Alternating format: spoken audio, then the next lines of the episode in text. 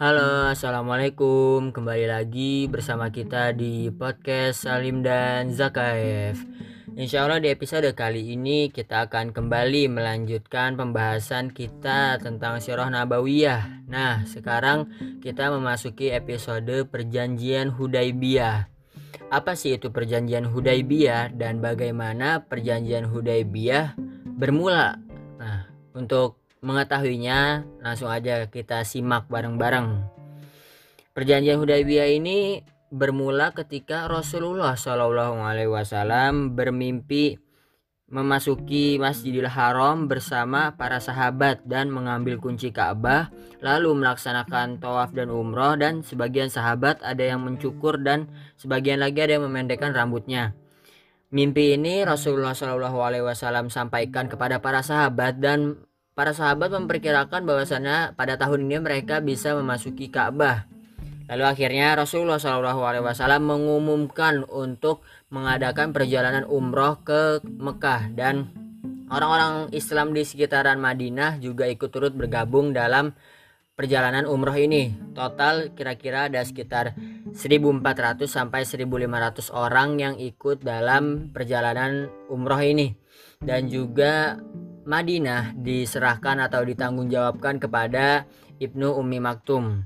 Dan pada umroh ini Rasulullah Shallallahu Alaihi Wasallam berangkat pada bulan Zulqa'dah tanggal 1 tahun 6 Hijriah dan istri Rasulullah Shallallahu Alaihi Wasallam yang ikut yaitu ada Ummu Salamah. Lalu Rasulullah Shallallahu Alaihi Wasallam menaiki ontaknya yang bernama Al Qaswa dan mereka semua rombongan Rasulullah Shallallahu Alaihi Wasallam yang hendak melakukan umroh ini tidak membawa senjata apa pun kecuali senjata yang dibawa oleh musafir yaitu pedang yang disarungkan. Nah jadi begitu kira-kira Rasulullah Shallallahu Alaihi Wasallam bersama para sahabat dan kaum muslimin melakukan persiapan untuk melaksanakan perjalanan umroh ke Mekah.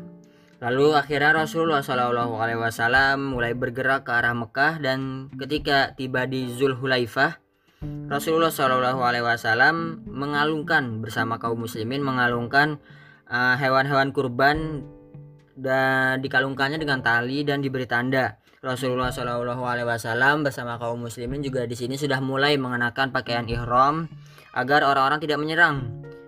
Lalu Rasulullah Shallallahu Alaihi Wasallam mengirimkan seorang mata-mata dari Bani Khuza'ah dan dari mata-mata itu Rasulullah Shallallahu Alaihi Wasallam mendapatkan informasi bahwasanya orang-orang Quraisy sedang menghimpun beberapa kabilah dan mengumpulkan sejumlah orang untuk memerangi Rasulullah Shallallahu Alaihi Wasallam dan menghalangi kaum muslimin agar tidak bisa memasuki Masjidil Haram.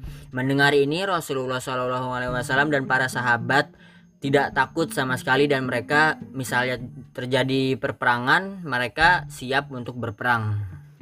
Lalu pada peristiwa perjalanan umroh ini diturunkan perintah untuk sholat khauf. Jadi ceritanya ketika itu kan kaum Quraisy mengirimkan pasukan ya untuk menghalang-halangi kaum muslimin agar tidak bisa memasuki Mekah. Dan mereka mengirim 200 penunggang kuda yang dibawa oleh komando Khalid bin Walid. Dan ketika Khalid bin Walid bertemu dengan kaum muslimin ketika itu uh, kaum muslimin sedang melaksanakan sholat zuhur dan habis itu Khalid bin Walid berencana untuk melaksanakan serangan terhadap kaum muslimin ketika kaum muslimin sedang sholat asar karena menurut Khalid bin Walid saat itu kaum muslimin akan berada dalam posisi yang lengah. Tetapi Allah Subhanahu wa taala menurunkan perintah salat khauf dan menggagalkan rencana Khalid bin Walid ini. Rasulullah Shallallahu alaihi wasallam yang mendengar hal ini pun tidak tinggal diam. Rasulullah Shallallahu alaihi wasallam mengambil jalan yang tidak biasanya dilalui oleh para musafir yang hendak ke Mekah dan jalan ini pun cukup sulit dan berat untuk dilalui. Dan di sini ada peristiwa menarik ketika Rasulullah SAW bersama rombongan telah sampai di Hudaibiyah. Ini uh, kaum muslimin mengeluhkan kehausan kepada Rasulullah Shallallahu Alaihi Wasallam dan akhirnya Rasulullah Shallallahu Alaihi Wasallam memungut anak panah dan menancapkannya ke sebuah kolam dan dari kolam tersebut pun memancar air yang deras hingga kaum muslimin pun hilang rasa hausnya.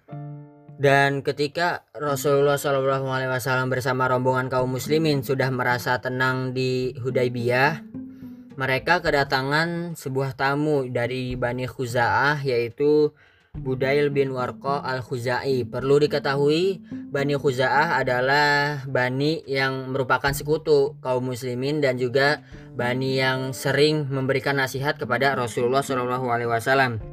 Ketika itu Budail berkata kepada Rasulullah, "Saat aku meninggalkan Ka'ab bin Du'ai, mereka siap berangkat ke Hudaybiyah dengan membawa pasukan. Mereka hendak memerangi engkau dan menghalangi engkau memasuki Masjidil Haram." Lalu Rasulullah Shallallahu Alaihi Wasallam bersabda kepada Budail, memberitahukan kepada Budail bahwasanya kaum muslimin datang ke Mekah bukan untuk berperang, hanya untuk melakukan umroh di Ka'bah.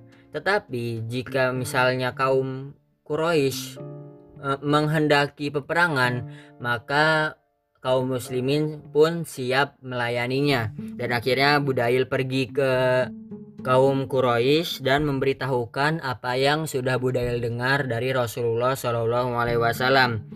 Dan akhirnya kaum Quraisy mengutus Mikraz dan Hafs. Ketika Rasulullah Shallallahu Alaihi Wasallam melihat kehadiran Mikraz dan Hafs ini Rasulullah Shallallahu Alaihi Wasallam bersabda dia adalah orang yang suka berkhianat saat sudah saling berhadapan, beliau mengucapkan seperti yang sudah diucapkan kepada Budail dan rekan-rekannya dari Khuza'ah. Setelah itu, Budail kembali lagi menemui orang-orang Quraisy dan menyampaikan sabda beliau. Nah, jadi gitu. Untuk selanjutnya bisa dilanjutkan oleh Lutfi. Silakan Pi, dilanjut Pi. Oke, lanjutkan Bo. Jadi setelah Mukriz tadi kembali kepada kaumnya, kemudian datang lagi seorang utusan dari Bani Kinanah namanya Hulais bin Al-Qamah. Dia berkata, izinkan aku untuk mendatangi Nabi Muhammad SAW. Mereka menjawab, datanglah kepada yang silahkan gitu. Kemudian ia melihat Rasulullah SAW dan para sahabat. Kemudian Rasulullah SAW berkata, Hada fulan wa huwa bin qawmin yu'azzimun al-budna faba'athuha. Yang artinya, dia adalah fulan gitu. Inilah dia gitu maksudnya. Dari kaum yang menghormati binatang-binatang kurban oleh karena itu, perlihatkanlah binatang-binatang kurban tersebut kepadanya. Kemudian, para sahabat pun memperlihatkan binatang-binatang kurban tersebut kepada Hulais dan menemui mereka sambil mengucapkan talbiyah, labbaik Allahumma labbaik dan seterusnya. Ketika melihat itu, Hulais berkata, Subhanallah ma yanbaghi liha ula an yusaddu anil bait. Yang artinya, Subhanallah, mereka tidak patut dihalangi untuk menuju Baitullah yaitu Ka'bah. Hulais kemudian pulang menemui teman-temannya dan berkata, Ra'aitul budna qad kulladat wa ush'irat wa ma ara an yusaddu. Artinya, saya telah melihat binatang-binatang kurban yang telah digiring dan telah diberi tanda. Menurutku, mereka itu tidak patut untuk dihalangi menuju Masjidil Haram, menuju Ka'bah. Kemudian, terjadilah dialog antara dia dengan orang-orang Quraisy. Urwah bin Mas'ud Al-Thaqafi berkata, Orang tersebut telah menawarkan kepada kalian suatu langkah yang bagus. Terimalah tawaran tersebut dan izinkanlah aku untuk menemui dia, menemui Nabi Muhammad maksudnya. Mereka berkata, mereka ini maksudnya orang-orang Quraisy, datanglah kepadanya, datang aja sana. Urwah kemudian mendatangi Rasulullah Wasallam dan berbicara kepada beliau. Nabi Muhammad Wasallam lalu berkata kepadanya seperti apa yang beliau katakan kepada Budail. Kemudian Urwah menjawab, yang artinya wahai Muhammad jika kamu hendak membinasakan kaummu apakah kamu pernah mendengar sebelum ini ada salah seorang dari bangsa Arab yang membiarkan keluarga binasa? Jika persoalannya menjadi lain maka demi Allah sungguh aku melihat beraneka macam wajah di sini dan aku juga melihat orang-orang dari berbagai kabilah yang banyak yang akan lari dan meninggalkanmu. Maksud perkataan Urwah ini adalah jadi jadi Nabi Muhammad tuh kata Urwah menurut Urwah seolah-olah menantang gitu untuk masuk ke dalam Makkah, memaksakan diri padahal beliau tahu kalau Makkah itu menang secara jumlah dan kekuatan gitu. Jadi Nabi Muhammad nekat padahal kata Urwah, Nabi Muhammad tuh belum tentu punya pengikut yang loyal. Mereka akan lari dan meninggalkan Nabi Muhammad SAW. Itu menurut Urwah. Mendengar jawaban Urwah, Abu Bakar marah dan berkata kepada Urwah yang artinya Isaplah kemaluan berhalamu ini saking marahnya ya sampai ngomong kasar kayak gitu yaitu Silata. Apakah kamu kira kami akan meninggalkannya, meninggalkan Nabi Muhammad maksudnya? Urwah kemudian bertanya kepada Rasulullah SAW dan uh, dengan pertanyaan, siapakah dia? Beliau menjawab Abu Bakar. Lalu Urwah berkata, demi Allah seandainya aku tidak merasa berhutang budi kepadamu, niscaya aku balas kamu. Kemudian singkat cerita, uh, Urwah kemudian kembali kepada uh, kaum Quraisy gitu sambil memberita memberitahukan apa yang telah dia bincangkan dan diskusikan dengan Rasulullah Shallallahu Alaihi Wasallam. Kemudian Urwah berkata kepada orang-orang Quraisy, wahai kaumku, demi Allah, aku pernah diutus kepada para raja, kaisar, Kisra, dan Najasyi. Tetapi aku belum pernah melihat seorang raja diagungkan oleh sahabat-sahabatnya seperti pengagungan sahabat-sahabat Muhammad kepada Muhammad. Demi Allah, tidaklah Rasulullah SAW meludah kecuali ludah itu jatuh ke telapak tangan seseorang di antara mereka lalu mengusapkannya ke wajah dan kulit mereka. Apabila dia itu maksud Nabi Muhammad memerintahkan sesuatu kepada mereka, mereka akan berebut untuk melakukannya. Apabila Nabi Muhammad berudu, mereka berebut seperti orang yang hendak bertengkar untuk mendapatkan sisa air wudhu yang jatuh-jatuh itu. Apabila mereka berbicara di hadapannya, mereka berbicara dengan menundukkan kepala dan merendahkan suara demi menghormatinya dia telah menawarkan kepada kalian suatu rencana yang baik, maka terimalah tawaran itu. Jadi tadi diskusi antara Urwah dengan Rasulullah SAW adalah diskusi yang mana Rasulullah SAW menawarkan uh, tawaran baik gitu. Akan tetapi ketika para pemimpin Quraisy uh, ingin melakukan perdamaian dan perbincangan baik dengan Rasulullah SAW, para pemuda Quraisy yang berambisi untuk tetap berperang, uh, akhirnya mereka mencari langkah, memikirkan sebuah langkah untuk menghalangi pemimpin-pemimpin mereka untuk mengadakan perdamaian. Maka mereka memutuskan untuk keluar di malam hari dan menyelinap di perkemahan kaum muslimin. Lalu melakukan suatu aksi yang dapat menyedot api peperangan. Ternyata mereka telah melakukan keputusan tersebut. 70 atau 80 orang dari mereka telah keluar di malam hari lalu turun dari Bukit Tanaim dan berusaha untuk menyelinap di perkemahan kaum muslimin. Akan tetapi Muhammad bin Maslamah salah seorang sahabat yang juga pemimpin keamanan dalam konvoi Rasulullah SAW menuju Makkah menangkap mereka semua dalam rangka untuk mencapai perdamaian. Rasulullah SAW membebaskan mereka dan memaafkan mereka semua. Nah, ketika itulah Rasulullah SAW hendak mengutus seorang duta untuk menegaskan sikap dan tujuan beliau dalam perjalanan umroh ini. Beliau kemudian memanggil Umar bin Khattab radhiyallahu an untuk diutus kepada mereka. Namun Umar merasa keberatan dengan berkata, "Wahai Rasulullah, di Makkah tidak ada seorang pun dari Bani Ka'ab yaitu baninya keluarganya si Umar ini yang dapat membelaku bila aku mendapatkan gangguan dan ancaman, dan ancaman. Oleh karena itu, utuslah Utsman bin Affan sebab ia masih memiliki kerabat di sana dan ia dapat menyampaikan apa yang menjadi keinginan Anda kepada orang-orang Quraisy. Akhirnya Rasulullah Shallallahu Alaihi Wasallam kemudian memanggil Utsman bin Affan dan mengutusnya kepada orang-orang Quraisy. Beliau berkata kepada Utsman, sampaikanlah kepada mereka bahwa kita datang bukan untuk berperang, namun untuk berumroh dan serukanlah Islam kepada mereka.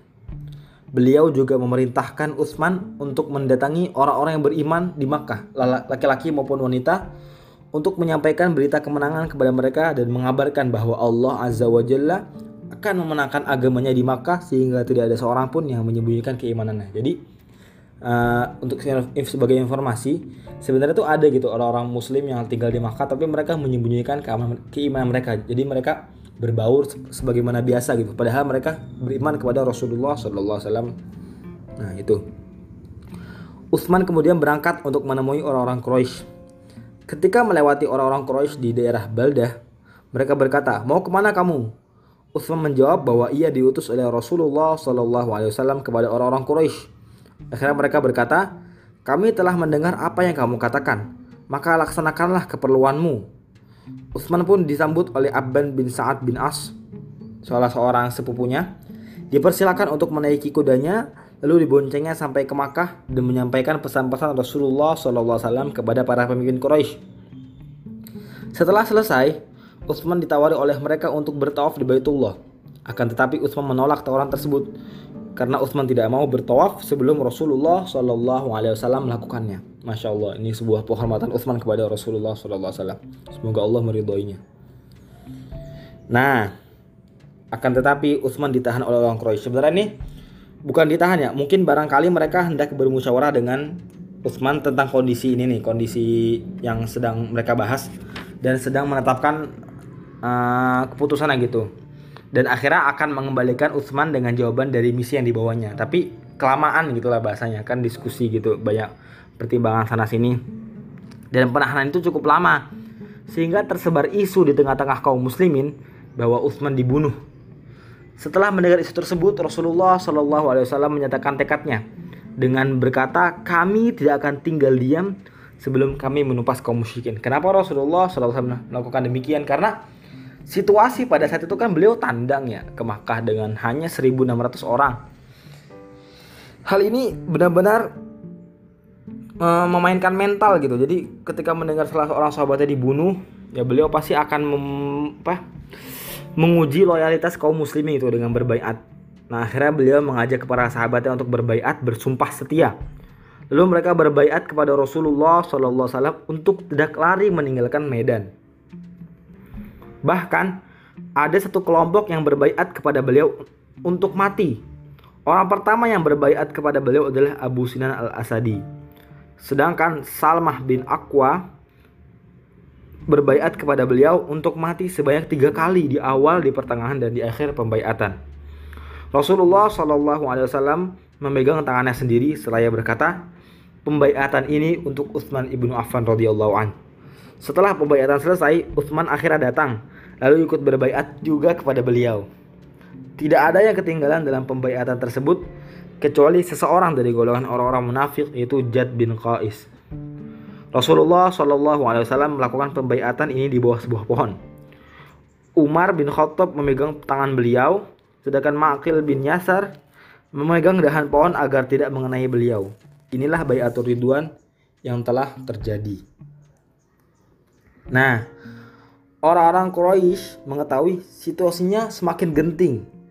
Maka mereka segera mengutus Suhail bin Amr untuk mengadakan perdamaian mereka menekankan kepada Suhail bahwa dalam perdamaian tersebut Rasulullah Shallallahu Alaihi Wasallam harus kembali dan menunda umrohnya.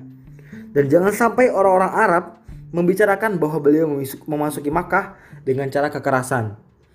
Jadi uh, uh, orang Quraisy itu maunya damai lah gitu lah. Tapi Rasulullah jangan ke Makkah dulu untuk tahun ini. Suhail kemudian mendatangi Rasulullah Shallallahu Alaihi Wasallam. Ketika melihat Suhail, beliau berkata, Allah telah memudahkan urusan kalian. Orang-orang Quraisy menginginkan perdamaian dengan diutusnya orang-orang di, diutusnya orang ini.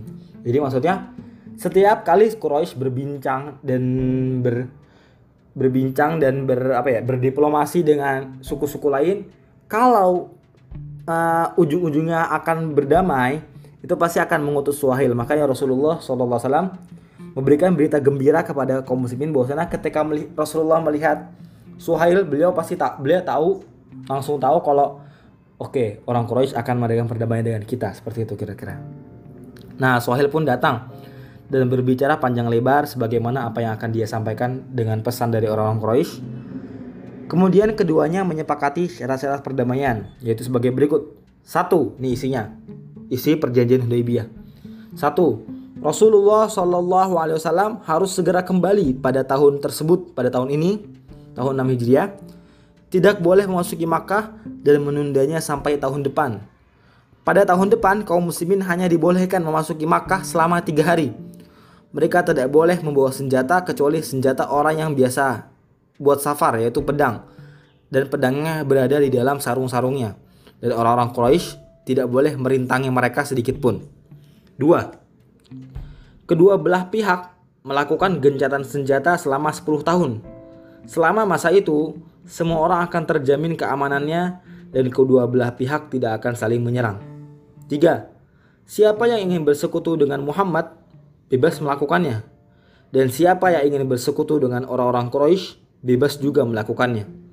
Kabilah yang bersekutu dengan salah satu pihak, ia termasuk bagian dari pihak tersebut. dan setiap permusuhan yang dilancarkan oleh kabilah mana pun terhadap salah satu pihak, maka termasuk permusuhan terhadap pihak tersebut. 4. Apabila ada orang dari pihak Quraisy datang kepada Muhammad, yaitu melarikan diri maksudnya, tanpa seizin walinya, maka ia harus dikembalikan kepada pihak Quraisy. Sebaliknya, apabila ada pengikut Muhammad yang datang kepada pihak Quraisy yaitu melarikan diri juga, maka tidak akan dikembalikan kepada Muhammad. Nah, itu isi perjanjiannya. Kemudian Rasulullah Shallallahu Alaihi Wasallam memanggil Ali bin Abi Thalib radhiyallahu an untuk menulis perjanjian tersebut. Lalu beliau mendiktik, mendiktekan kepada Ali, Bismillahirrahmanirrahim. Suhail menukas, membantah gitu. Demi Allah, kami tidak tahu apa itu Ar-Rahman. Oleh karena itu, tulis saja Bismika Allahumma dengan nama Allah gitu aja gitu. Maksudnya Suhail. Nabi Muhammad SAW kemudian memerintahkan Ali untuk menuliskan kalimat tersebut. Jadi cuman uh, Bismika Allahumma aja, nggak usah pakai Ar-Rahman Ar-Rahim.